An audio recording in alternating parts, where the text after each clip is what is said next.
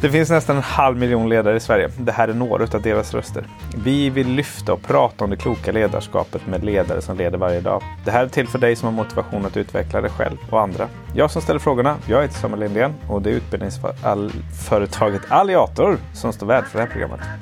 Hej Daniel! Hej Samuel! Hur är läget? Det är bra. Måste alltid börja med en sån sportfråga så att man liksom Det är så. eh, kommer in i det. Hur känns det och så vidare. Och så vidare.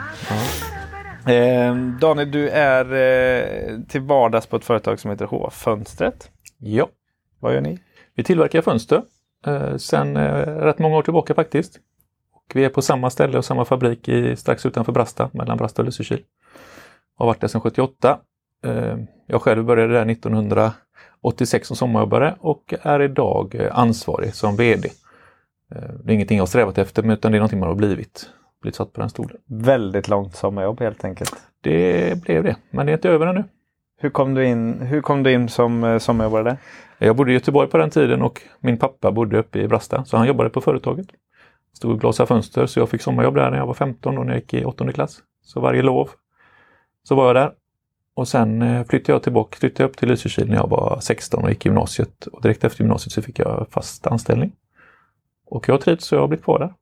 Inte ångrat dig en enda dag? Absolut inte. Jag hade några år precis efter som eh, när jag gått ur skolan som jag även fick jobba som reseledare extra på helgerna då på Ja. vintern. Så det triggar ju mig att göra det några år.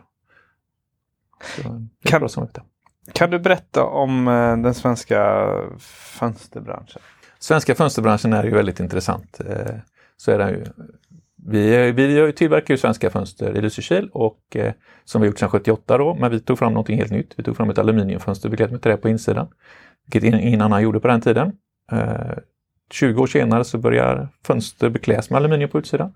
Och nu 40 år senare så är det fyra av fem vridfönster som säljs då är med aluminium på utsidan. Och vi har ett H-fönster, ett husmorsvinduet, det är det egentligen det kommer ifrån, från Norge. Det öppnas utåt och går runt på 180 grader på utsidan fasaden. Och det var ju, de norska kvinnorna blev ju glada när man slapp ta bort gardiner och blommor när man skulle putsa fönster. Nu är detta 50 år sedan och nu putsar vi även män. Putsar faktiskt fönster nu för tiden. Det gör vi faktiskt. Så det gör vi fortfarande och här på västkusten så har vi ett visst klimat. Det blåser och regnar sidleds och ett utåtgående fönster blir tätare ju mer det blåser på det. Därför gör vi den här produkten här. Och är det fortfarande den typen av är det H-fönster eller har ni alla varianter nu idag? Vi gör ju sidohängda utåtgående fönster, vi gör fönsterdörrar och fasta karmar också. Vi gör lite grann inåtgående fönster. Men det är ingenting som vi är strävar efter utan det kan ju vara när det är någon källarfönster eller någonting. Vi har ett systerbolag som eh, tillverkar de inåtgående fönstren. Mm. Så det är bättre att de får göra dem och vi gör de utåtgående. Och idag finns det i huvudsak tre typer. Det är PVC, det är trä och det är träaluminium. Så kan man säga, så finns det hela aluminium också. Ja. Ja. M- Missa händer också. Ja, men det, den, går- den kommer mer och mer nu till Ja. eh, privatvillor och så med. Till, eh, Vad kommer det sig? Tror du? jag tror det kommer på eh, hållbarhet men även estetik och man kan göra stora enheter. Eh, och med fasadkomplex, det är samma som man gör ett eh, structural glazing system till exempel. Man vill ha, få upp mer, mera glas även i sina privata villor och sådär. Mm, mm. Men, glasfasader och fönster kopplas mer och mer ihop. Just det. Bra, då har vi lite sådär lagom god koll på, på fönstermarknaden. Fortfarande väldigt stor inhemsk eh, tillverkning. Och Ja. Det finns många, tillverkas fortfarande på många ställen i landet. Det gör det. Det tillverkas ungefär en och en halv miljon fönster om året i Sverige. Exporteras ungefär lika många som importeras. Hur många fönster finns det i Sverige? Nästan. Ja, jag säga att det finns 700 miljoner kvadratmeter glasyta. Nej, men det finns hur mycket som helst, det Ja. var klart. Och det är någonting som hela tiden pågår. Och det är inte bara nyproduktion som du förstår, utan det är även renovering och det är annat saker. Men fönster är jädrigt kul. Det är ju fasadens mest komplexa byggnadsdel. Mm. Och eh, det är mycket som ska, som den ska stå emot men även ska anslutas mot olika material. Ja, precis. Mm. Och, och det är ju lika viktigt från insidan som utsidan.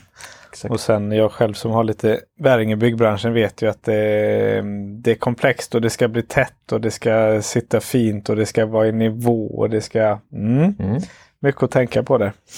Eh, varför är du här idag då?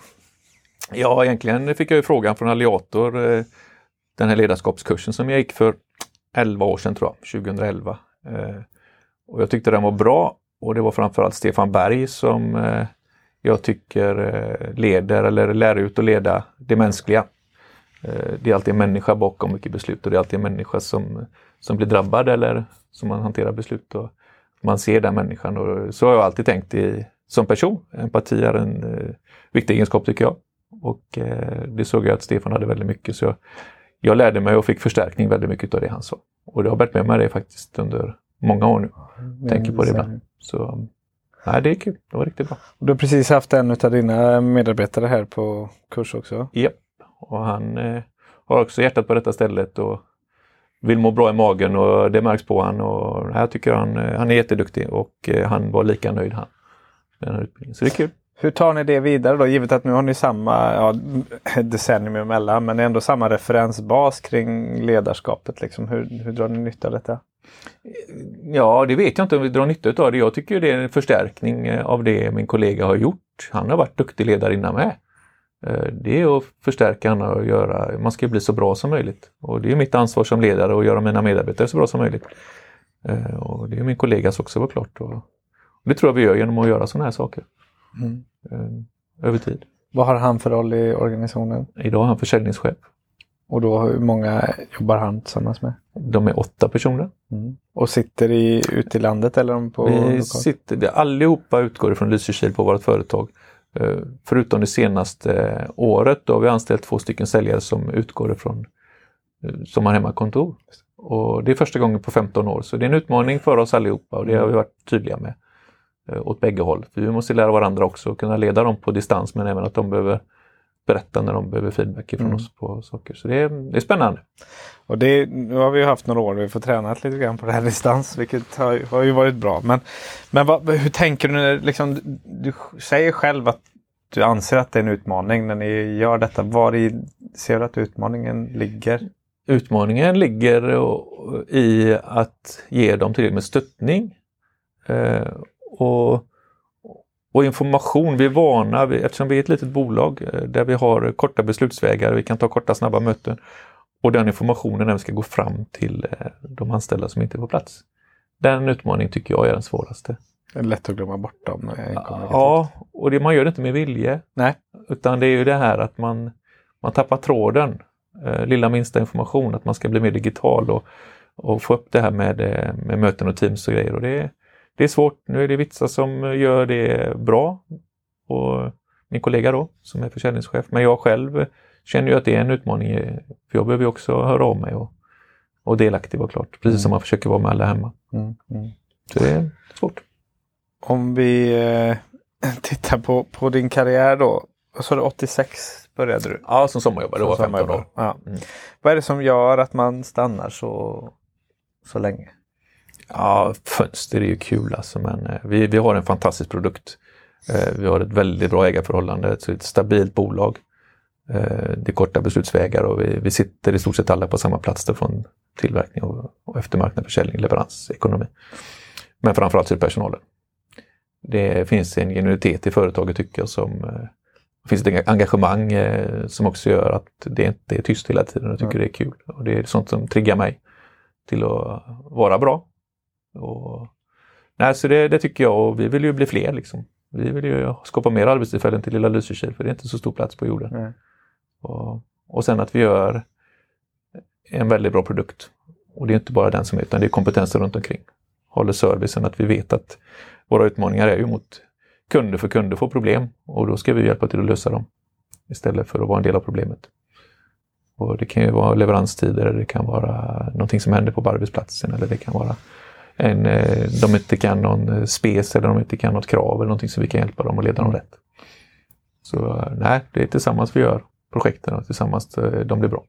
Och på det personliga planet om vi, om vi går bort från fönstret, men vad är det som får vad är det som, som gör att det triggar och, och att hela tiden du, jag bara gissar att du känner att du har kunnat utvecklas eh, och att du har fått Ja absolut, jag utvecklas men jag utvecklas Eh, i samband med de frågorna jag får från min personal. Och bara för ett tag sedan så var vi utav 21 tjänstemän så var vi av 15 börjat på golvet hos oss.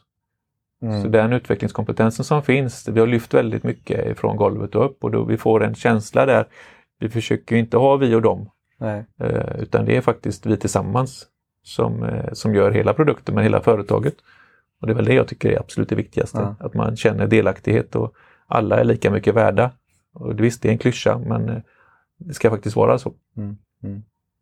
Och, ja, det är viktigt. Hur ofta hinner du ut i, i produktionen? Jag är ute minst två gånger om dagen. Vi jobbar skift. Så jag är ute en gång på morgonen och sen är jag ute på när kvällsskiftet kommer på deras morgon också. Så försöker jag alltid ta en sväng runt i fabriken så alla kan se mig och hojta och rycka tag i mig om det skulle vara någonting.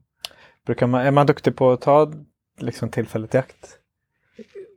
Ja, ja, det tror jag inte behövs. Eh, I början kanske det var så, men eh, nu har jag varit, eh, haft den här rollen i fem år och dörren är öppen. Och de har ju också skiftledare och produktionschef som är ute i verksamheten hela tiden. Så det, och de kommer in om det skulle vara någonting till mig. Eller ringer att jag kommer ut. Mm. Och det är väl det som jag tycker är det sköna. Det ska inte vara några höga trösklar. Nej. Och, så det kan komma lilla minsta fråga eller något tungt och då kan man sätta sig en stund. Eh, Det ska finnas tid för det. Så, nej. Oftast blir det lite, lite gott shot bara om man slänger lite käft. Och det, ja, men jag tolkar det som då, givet vad du säger, att det finns en extremt stor produktionsteknisk kompetens i organisationen givet att en, ja, 75% av ledning, eller av tjänstemännen kommer från golvet. Ja, det finns det. Hur jobbar ni med liksom, den övriga kompetensutvecklingen i, i organisationen då? Vi jobbar ju, vi tar in externa delar till exempel om RISE kommer och berättar om någon montage eller vi kan ta in putstillverkare, vi kan ha glas, eh, någon som kan glaskunskap. Så gör vi lite sådana utbildningar allt eftersom. Men framförallt så är det också kunna köpregler och, och byggregler och det, det tar vi internt många gånger. Eh, Och vi lär oss ju genom att man eh, läser vilka krav man får på sig som Mm, tillverkare. Och sen vi, får vi köpa externa utbildningar ibland om det ska vara någon eh, arbetsmiljöutbildning eller brandskyddsutbildning eller hitta arbete, en truck eller någonting annat. Det köper man ju till sig. Eh, Men eh, ofta så är det kompetensen blir genom mentorskap, att man sitter med varandra. Mm. Eh, Det, är, det är väl den största delen. Och vi blir aldrig fullärda och det är det man ska tänka på, det är det vi brukar säga. Det kommer alltid frågor till oss som vi inte, faktiskt inte vet utan Nej. då får vi ta reda på dem och det är så, man lär sig. Tänker jag. Man lär sig inte av att någon säger till hur man ska göra utan man lär sig ju faktiskt av att göra det själv. Oh ja, och lite repetition på det också. Ja, precis. Och så några bra misstag på vägen. Ja, Och misstag får man göra. Så länge det händer en gång. Så länge det händer en gång, precis. precis. Och och om ingen annan ser det får det hända två gånger. Eller? Ja, nej men alltså då, då har man ju eh, missförstått. Då tänker jag, då Ja. får man ju liksom, ja men då lyfter vi det. Vad, vad vi tänkte på, vart gick det fel, vart brast det? Om vi tittar på era verksamhet sista, sista åren så har det ju varit ett enormt tryck i byggsvängen. Långa leveranstider och sådär. Hur har ni, hur jobbar ni för att möta marknadens behov och efterfrågan? För menar, det mesta vad gäller fönster är ju custom. Det är väldigt lite lagervaror, eller hur? Ja, vi bygger inga lagervaror. Nej. Nej. Och det är en fördel för oss. eh, För vi, vi har ju alltid minst sex veckor så vi vet framåt vad vi ska göra. Ja. För vi beställer materialet och så ska det komma hem till oss i vår fabrik och sen ska vi tillverka det. Så det Mm. materialet vi får in den här veckan, det produceras nästa vecka Mm. och ska ut nästa vecka. Mm. Eh, Men vi har inte haft problem med jättelånga leveranstider för vi har inte haft det jättetrycket eh, under den här pandemitiden. För vi, våran, vårat fönster vänder sig inte jättemycket till så man kan köpa dem eh, på lager bara för det är väldigt mycket det som har faktiskt gått. Utan vi, det är mer custom made. Men ehm, att vi jobbar med det, det har ju varit väldigt tufft och klart men vi har ju eh, som sagt vi har hållit på väldigt länge. Vi har en lång relation med våra leverantörer och den måste man hålla uppe hela tiden. Eh, Och börjar vi märka att det är någon leverantör som börjar få lite problem för att det varit lite brist på material, då får vi prata internt inom företaget och så, så fort det kommer någonting från någon annan leverantör så får vi liksom vara på. Mm. Vi kan inte bara lita på och stå och lyssna på att ja, det kommer lite senare. Det kommer... Nej, vi får vara där och skava lite och lyssna. Kommer det verkligen, stämmer det? Håller ni tiden? Eh, och det är så vi måste göra. Mm. Vi jobbar ju inte med lin i vår fabrik kan man säga, men däremot så skulle vi nog säga att det är lin för varje order som kommer in. Vi tar inte in någonting i produktion förrän vi har allting på, Nej. på lagret egentligen. Nej, precis. Eh, Så, men det är orderspecifikt varje order. Det kan Mm. vara en liten order på ett fönster, det kan, det kan vara flera hundra fönster. Mm. Mm. Men det är väl eh, den fördelen som vi har, att vi är på plats allihopa. Men, då, men då har ni klarat det bra den här perioden med leveranstider och sådär? Ja, faktiskt, det har vi gjort. Men vi har ju alltid minst sex veckor och sen så kan det gå upp mot en 12 veckor och Ja. 14 med. Men eh, det är ju säljarnas jobb också att hålla koll på Mm. vad är det för projekt som ligger ute och rullar och informera våra kunder att vi har en speaking Just, ja. terms hela tiden. Precis. Det är inte många som bara kommer och beställer ett fönster. Ofta så har man en offert ute. Eller man, Ja. Så man har ofta pratat Man blir inte överraskad att man behöver fönster? Nej. Eller ja, ibland, Nej, så det. branschen kan vara lite speciell. Ja, vissa kan det göra det. Men, eh, och ibland så kan det vara andra saker som händer. Att man måste byta leverantör. Eller Ja, man måste, ja. då kan det vara tajt. Min följdfråga blir ju det här, det är ju en ganska eh, det är en mer komplex montageprocess än vad många förstår som inte är i branschen. Och det är mycket, just du sa det också med SP, staten, eller vad heter det? Det heter inte, Det heter RISE. RISE heter det nu då. Ja. Research Institute Sweden eller något sånt va? Yes. Det är mycket prover och det är mycket så här, just man pratar mycket energi, lufttäthet och sådana där saker. Så det är en komplex montageprocess, det måste man ha respekt för. Eh, tajta leveranstider, man jobbar i sekvenser, nu ska man producera den här volymen och sen går den vidare. När du får problem med den här linan då Mm. Och, och ehm, du inte kan komma vidare, hur hanterar man, man det? Är det så att man får plocka ut en enhet, försöka få färdigt den sen och att du skickar 9 av 10 fönster? Eller? Ja, ja, det får vi anpassa. Det, allt saker händer ju. Vi är Ja. människor så det är klart att man kan göra sönder ett fönster. Man kan krossa ett glas eller det kan bli en skada på en karm så den måste målas om eller beställa nytt aluminium eller vice versa. Mm. Det händer ju hela tiden. Eh, Det, det måste vi ha respekt för. Det är klart att vi försöker minska på de sakerna. Men vi kan aldrig gardera oss. Men det finns ju alltid, man får ställa undan det och ställa det på en spärryta. För det ska in sen i produktionen, det ska rätt saker in. Det finns ju bara ett glas som passar just det fönstret. ja. Så det får man ställa undan och hålla det tills det kommer. Men oftast är det inga stora förseningar. Vi har 98% leveranssäkerhet på det vi gör. eh, Som är väldigt stark tycker vi. Eh, Men det är också det, ska inte komma in i... Har inte materialet ens kommit till produktion ska det inte in i våra Nej, produktionslinjer. precis. Det är ju det som är målet egentligen. Ja, ja. Men eh, saker händer under, under resans gång. Och då med aluminium, kommer det, eh, klipper ni och sågar på plats eller vad gör ni med? Vi är- tillverkar ju två fönster. Vi tillverkar Ja. ett träfönster och ett aluminiumfönster. Så eh, aluminium kommer på långlängd. Det Just är kapar vi och bearbetar. Men det ligger på ett annat lager någonstans för det är där mm. vi lackar upp. Det är specialkulörer. Mm. Så den arbetar vi mycket med. Ja, och trä bearbetas på plats också. Det köper vi färdigt så det kommer hela moduler så vi monterar ihop. Och glaset eh, köps färdigt. kommer färdigt. Det ska stå helst i den ordningen vi beställt det och Mm. mått och sådär. Mm. Ska slippa hantera så mycket. Så det är, verkl- det är verkligen slutmontaget. Det är som vilken annan bilfabrik som helst. Ja, det kan man säga. Vi gör ungefär en 1200 enheter i veckan. Uh, ja. Och då är vi inte, vi är inte ett stort bolag. nej, Det är vi nej. inte. Men det är ändå 1200 i veckan. Ja. Ja, eh, nu ska jag inte fråga mer om det. Jag är lite för nyfiken som alltid för detta. Va? Eh, hur jobbar du med, med, med tidshantering för dig personligen och i, liksom i din roll som vd på bolaget?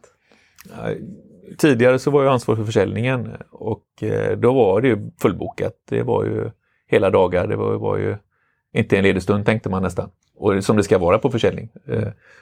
Vilket är väldigt, väldigt kul för det, det utmanar mig hela tiden. Men när jag tog över den här rollen som VD då för fem år sedan så kände jag att så kan jag inte hålla på. Eh, så jag eh, ser till att mina dagar inte är bokade mer än fyra timmar. Jag ska inte ha möten mer än fyra timmar. Jag ska inte vara, och ska hela tiden ha fritid till eh, saker som händer. För det händer ju saker i en produktionsanläggning och tillverkning hela tiden. Mm. Och då vill jag kunna vara där och kunna ta beslut. Och annars så bromsar med sina medarbetare. Och det har blivit väldigt eh, annorlunda. Men det har fungerat väldigt bra. Lite tråkigt för mig som är aktiv men eh, samtidigt så, så är man redo och man, då kan man alltid ta på sig lite andra saker. Mm. Så det har jag jobbat i väl den största delen.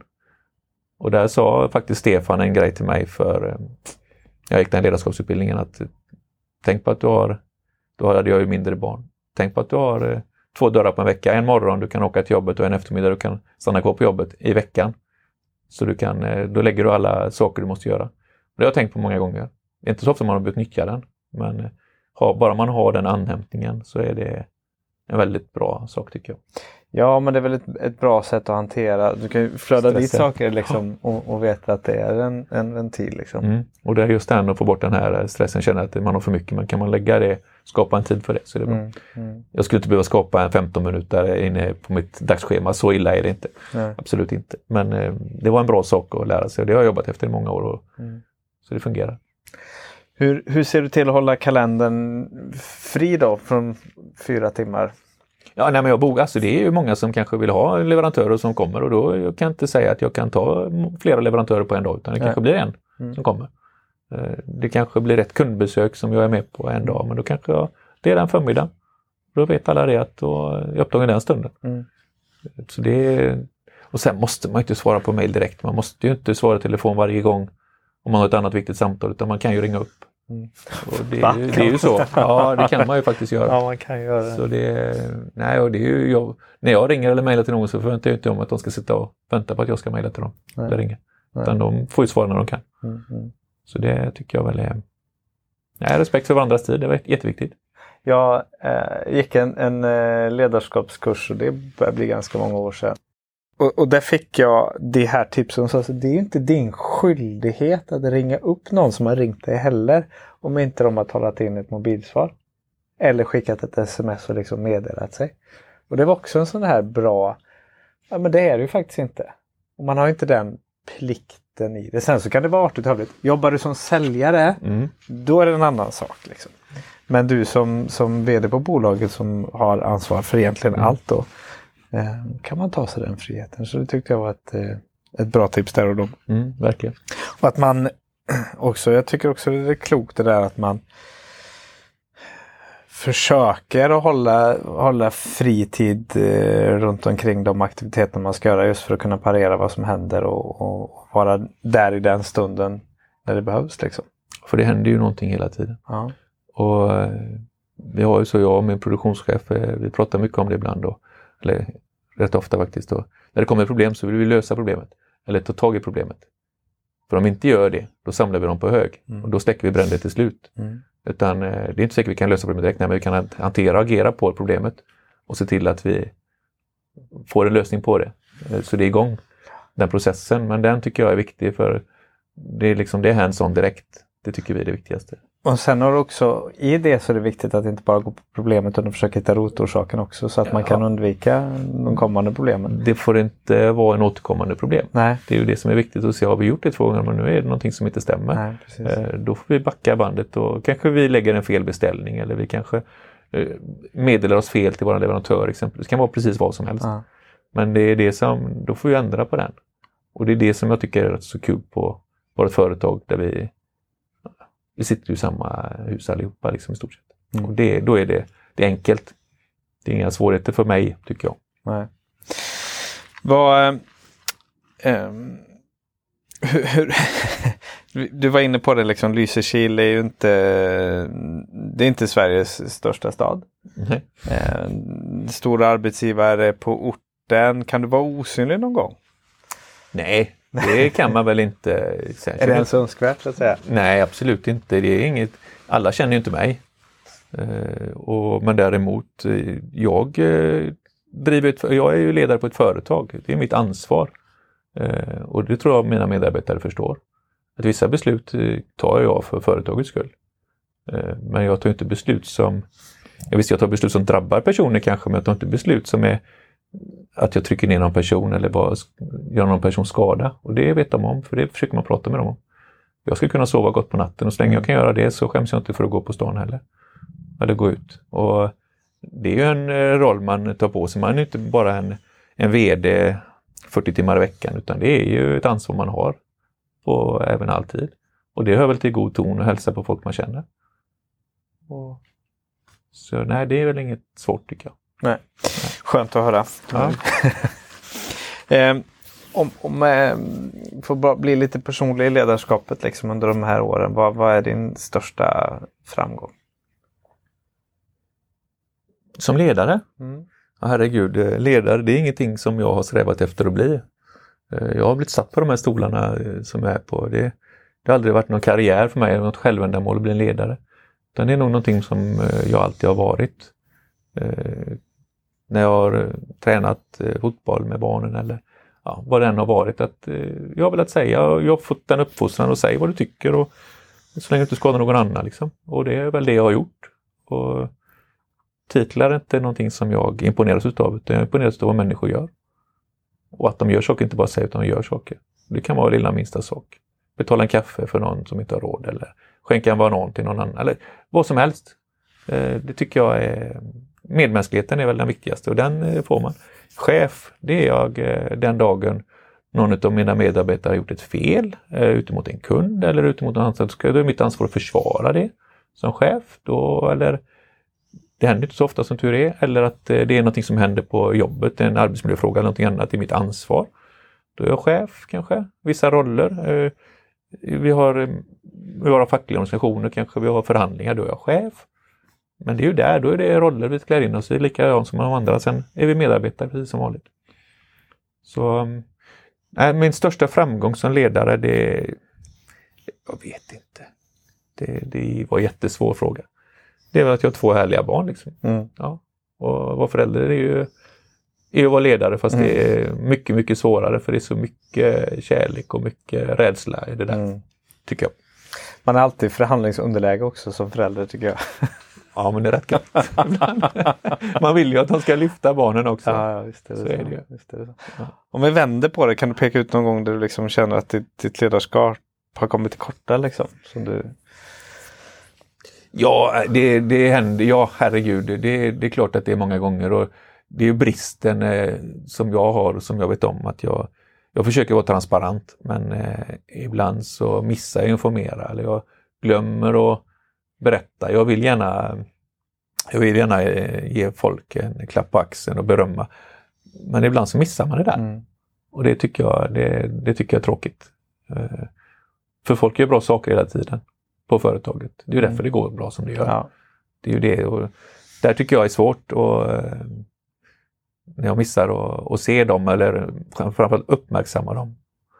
För de, mina anställda ska också veta att de gör bra saker. Mm, mm. De vet väl det i grunden men eh, kan man eh, berätta om det så tror jag det är viktigt.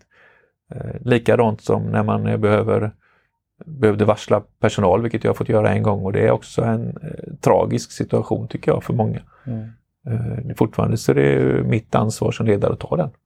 Och i det läget är jag ju chef men samtidigt så är jag ju medmänniska. Man får försöka göra det bästa situationen och inte gå och dölja någonting utan ja, förbereda dem på, på ett bra sätt. Mm, mm. Det, det, finns inga bra sätt. Nej, Men, liksom, men, men, man, man kan göra det på, man kan göra det på liksom med, med respekt och liksom eh, vara närvarande den stunden.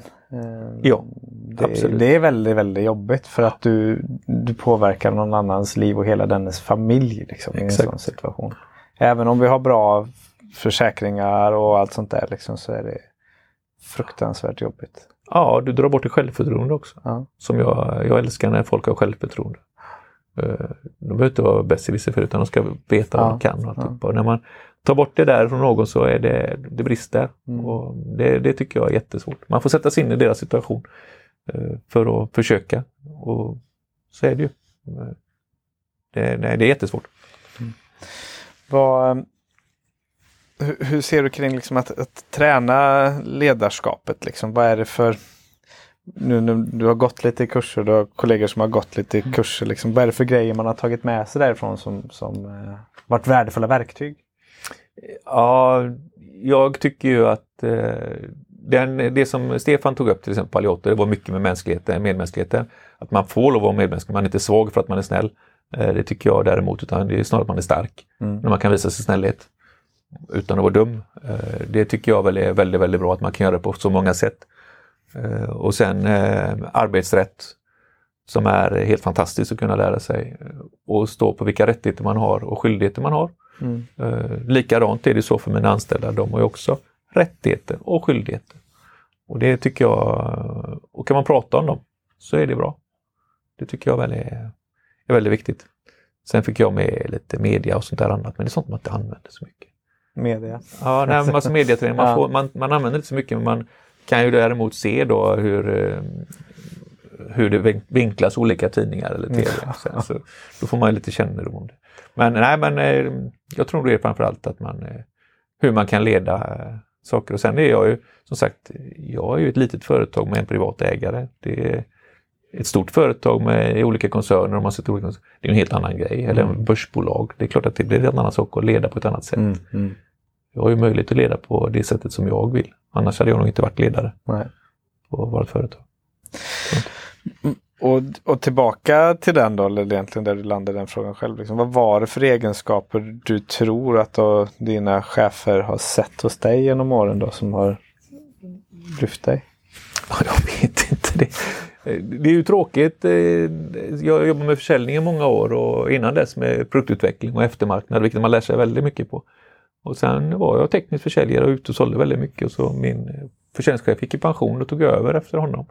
Eh, helt naturligt blev det på mm. något konstigt sätt. Eh, och visst, och det gick väl bra men en ledare, en chef på Hovfönstret är ju inte bara chef, man arbetar ju och gör vanliga arbetsuppgifter också, inte bara kan leda och Nej. pusha andra, utan det är ju det som, det kan jag förstå, så den är, där är väl, och sen när våran dåvarande VD gick vidare sin karriär efter rätt många år hos oss, så blev jag satt på positionen, eh, vilket jag inte ville från början. Jag tackade nej och gav en massa bra förslag, men min ägare ville ha mig där och så tänkte jag, men då ger jag det tre år och så ser jag hur det går.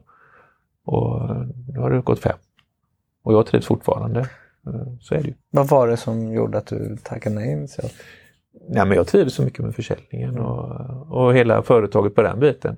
Och jag såg att det var andra som säkert kunde ta vd-rollen på ett bättre sätt än vad jag mm, kunde. Mm. Jag fick ju ändra eh, den här mer åt försäljningshållet då och så anställa eller ha eh, mer hjälp med produktionsdelen. För min tidigare VD han var mer produktionsinriktad mm. och var väldigt duktig på det. Och det är ju inte min styrka utan det är Visst, jag har varit i produktion och jobbat men det är många andra som är väldigt duktiga på mm, mm. att låta dem.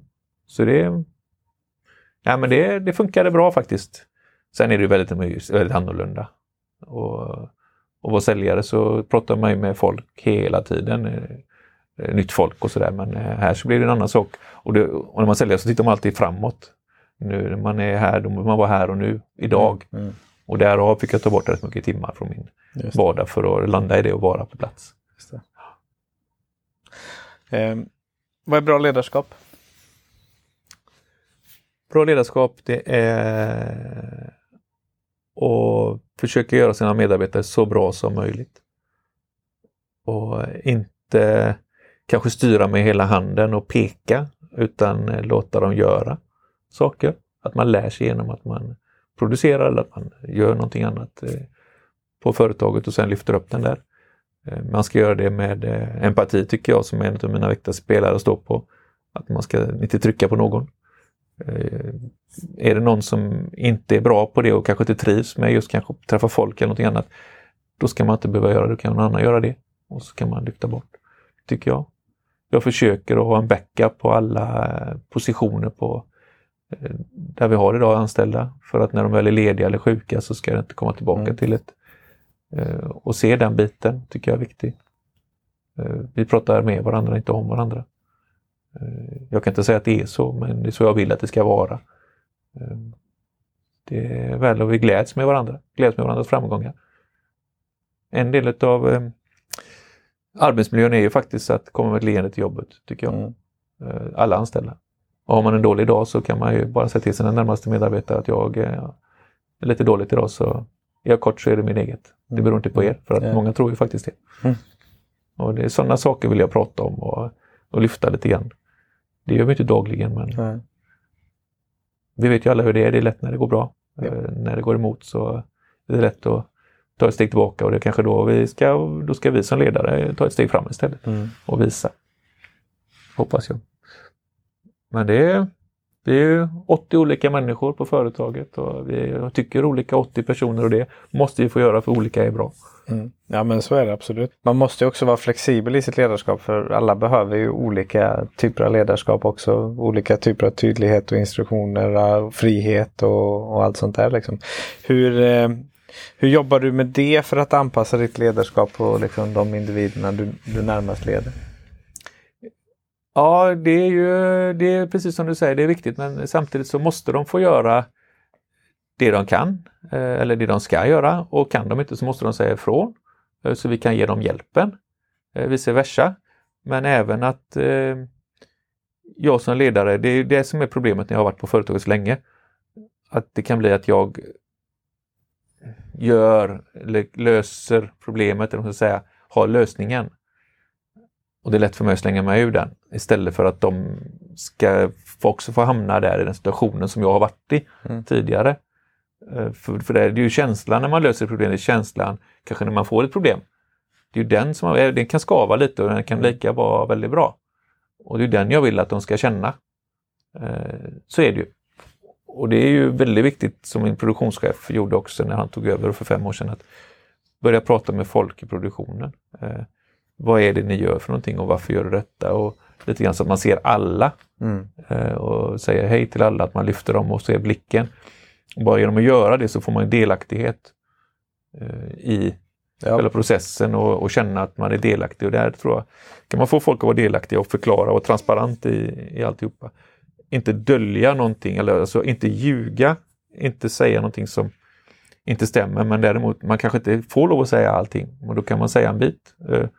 Och man, men fortfarande så är det Mm, sanningen mm. som man pratar om. för eh, Det kan vara tufft att höra den ibland att nu är det väldigt tufft, alltså du kanske inte får vara kvar om ett tag för att vi har för lite att göra. Mm. Den, den är jobbig att höra.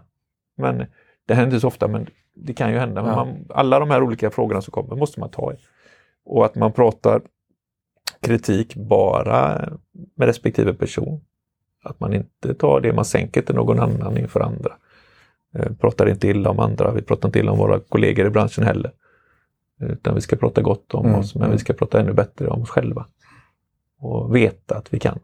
Veta att vi är bra. Veta att det vi gör är duktigt. Liksom. Mm. Och skapa det självförtroendet. Man ska vara stolt och jobba hos oss. Eh, ambassadörer är det bästa vi har. Absolut. kan berätta att de jobbar hos oss och har jobbat hos oss. Och, Ja. och prata med folk. Även de som, när de börjar så kanske man inte heller ska berätta varför de, utan kanske berätta varför vi jobbar där. När de slutar så frågar man dem eh, redan när de säger upp sig kanske, men även sista dagen.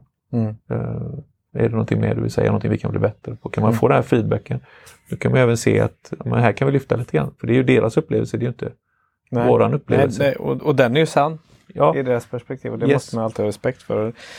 Och där, det, är- det är väl det som är det är all form av kritik. Man vill ogärna lyssna, är lätt att slå ifrån sig men gör man inte det så kommer du ju aldrig kunna utvecklas. så länge man vet att kritiken inte är personlig, Nej. alltså mot, mot dig som person utan mot företaget, då, då brinner jag. Och sen hade det gått till mig som person, då har jag gjort fel. Då hade jag fått tänka både en och två, tre gånger. Mm. Vad sysslar jag med egentligen? Mm. Är det här någonting jag ska göra? Eh, Peppa peppa, hittills har jag inte fått det men det kommer ju en dag. Ja, Den klart. kommer, absolut. Det. Men där är, det är det som jag tycker är viktigt att eh, försöker vi bara, försöker man göra gott så blir det bra. Mm. Det är väl det viktigaste. Ja, kanske inte ta sig själv på allt för stort allvar och inse att man, man finns ju där i mixen av människor där ute och alla, alla är sig själv närmast. Och, Precis. så är det. Det är det viktigaste av allt tror jag. Mm, du, hur har du hanterat livspusslet eh, genom åren då? Ja, livspusslet, alltså arbetet är en stor del av mitt liv. Eh, och det måste det få vara, eh, tycker jag är jätteviktigt. Så jag måste ju göra, för att trivas, så måste jag göra mig själv så bra som möjligt på mitt jobb, var klart. Men även eh, vid sidan av. Och både vara en pappa och, och make liksom. Men eh, nej, det har fungerat väldigt bra. Jag har haft sådana där, men nu är barnen större. Nu Hur gamla är barnen? I... jag har en pojke som är 17 och en tös som är 21. Mm. Ja, så nu är de ju i stort sett vuxna och det är jätte, jättetacksamt. Så nu har man ju andra roliga saker man gör och rädslor och alltihopa. Men eh, det är ju samma där. Den sämsta ledaren kanske man är hemma. Mhm. Det är så det är. Man tycker om allihopa så mycket, man har rädsla. Så det kanske man inte ser sig, jag ser mig inte som en ledare där i och för sig, utan det är ju en del av familjen. Det är väl där man kan ha sina tillkortakommanden ibland kanske, när man kommer hem. Men eh, sen är det, kan man bara umgås med vänner och spela lite padel, åka lite skidor, eh, göra vad man tycker är roligt inemellan. Äta lite god mat på helgen. Så det är inte så mycket som krävs. Det är fredag idag, vad händer den här helgen? Och idag ska det bli så roligt för idag har vi ett 60-årskalas för min granne så det, det ska bli jätteroligt. Det blir stor baluns då? Ja, nu blir det stor. Han, han älskar party så det kommer till att bli jätteroligt. Ja, Det förväntar vi oss. Så det ska bli fantastiskt kul. Hur har du hunnit med ditt, om man tittar på eh, den här mixen då, fa, familj, barn, småbarnsår och allt det här igenom. Eh, du, du är ju förbi det. Mm. Stora barn nu. Samlar på dig en himla massa erfarenheter och du har ett eh, antal anställda som är i samma situation. Liksom. Är du den här rådgivande eh, chefen, eh, världsmästarpappan? Nej, så får man inte säga. Men du förstår vad jag menar? Ja, jag råder dem inte hur de ska uppfostra sina barn. Nej. Det gör jag inte. Men däremot kanske om de har jobbet i livspusslet, som du nämnde innan. Att eh, det här med att öppna en dörr på morgonen, att den här dagen kan du komma. Alltså prata med din hemma. tycker att det är jobbigt att få ihop det här arbetet. Liksom, du är borta mycket kanske. Men någonstans så ska du även jobba dina timmar eller göra detta. Mm. Se till att öppna en dörr någonstans att där kan du jobba ikväll. Liksom. Eller en morgon komma upp lite tidigare. Uh, Sådana saker tyckte jag, det, det har gett dem med sig. Men även där att uh, Good enough sa Stefan också för länge sedan och det, det räcker. Man är, många oroliga för att vara förälder kanske, pappa eller mamma. Mm. Och duger jag? Nej men vad fan, barnen kommer älska det oavsett vad som händer. Liksom. Mm. Så var good enough. Och eh, det kommer gå bra. Liksom. Det finns eh, eller det, här, det här talesättet att perfect is the enemy of great. Mm. Att man, och det kan ju gälla i produktutveckling till exempel. Att Absolut. man väntar att göra det här helt perfekta fast du har en, en produkt som är fullt tillräcklig. Och det gäller ju egentligen i alla delar i livet. Liksom. Mm. Att man sitter på dels du sitter på kammaren och inte, inte kommer ut med de grejerna du vill men också att du inte de facto firar det som man har gjort jäkligt bra. Mm. Och det bara rullar på i vardagen och man kommer ingenstans och sådär. Liksom. Är ni duktiga på att fira era framgångar? Det är vi nog inte egentligen men eh, den skönaste känslan det är att gå hem på fredag eftermiddag när allting har gått bra i produktionen, när de är allting sådär, man känner att man har hunnit med alltihopa, man har haft en bra försäljning, man har, allting hänger med liksom, alla andra är nöjda.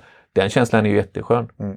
Och den kommer jag ihåg från det jag var på eh, golvet och producerade. Eh, Den här att fan, vilken bra vecka nu äntligen, det gick bra liksom. Så här. Det, den känslan är ju god att ha och den är lite hårfönstrande och den tycker jag är jätterolig att känna. Sen, det firar den varje vecka, det gör vi inte. Eh, Men eh, vi försöker att berömma varandra men jag tror jag är lite för dålig med det. Alltså, tyvärr, vi måste ju vara stolta över det vi gör Mm. hela tiden. Mm. Men någonstans så kan man inte heller gå och säga det hela tiden för då bankar man in det det, fin- nej, det finns, det finns en... eh, Det finns en... Ja, man får hantera det helt enkelt. Ja, man kanske inte tror på det till slut. Nej, precis. Eller, eh, framtiden då? Vad ser du i, i, eh, när du spanar upp bland stjärnorna? Vad är ni Ja, framåt? mitt mål är att vi ska växa. Eh, jag har inte satt på det här företaget för att, för att förvalta det utan eh, jag har blivit tillsagd att vi ska växa men vi ska växa med lönsamhet. Och då vet vi det, det kan man inte göra fort utan det ska vi göra sakta. Mm. Eh, vi har en stabilitet och vi har en trygghet och det ska vi, vi ska växa med sakta och säkert är målet. Mitt mål är att vi ska ha fler arbetsplatser till våran lilla kommun. Mm. Och vi ska vara stabila, stabilare över år. Liksom. Det är mitt mål. Så det är kul. Så eh, nästa vecka har vi invigning. Då har vi slutbesiktning på vår tillbyggnad som jag nu har byggt ut på 1200 kvadrat. Som, eh, det ska bli jättekul att sätta den i sjön. Då, blir det, då firar ni? Då ska vi fira på något vis, ja. Absolut. Men jag vill ha godkänt först innan jag. Så. Ja, nej, men det är en process såklart som är, som är jättekul. Ja. Och det visar också att eh, våra ägare satsar på oss och Ja. att vi ska framåt. Så mer, mer hårfönster till Lysekil helt enkelt. Det är löftet då. Lysekil eh, köper inte så mycket fönster för det bor inte så många där utan mer hårfönster till Sverige kan jag Ja. säga. Och övriga Europa. Och sen, eh, men vi tillverkar arbetsplatserna blir det Lysekil. Ja, men det är underbart. Hur gör man för att komma i kontakt med dig? Eh, ni når mig på daniel.hfonstret.se. Finns även på en hemsida. Och där står mitt, eh, mina telefonnummer och så också. Du skriver ju självklart in det länkar i programbeskrivningen. Tack Tack så för att mycket. jag fick prata fönster, ledarskap, Lysekil med dig. Tack till dig som har lyssnat på det här avsnittet och givetvis så tycker vi att du ska prenumerera på Kloka Ledare så blir aviserad så fort vi släpper nytt. Och vill du veta mer om hur du kan utveckla ditt eget ledarskap så rekommenderar vi ett besök på alliator.se. Tack och på återhörande.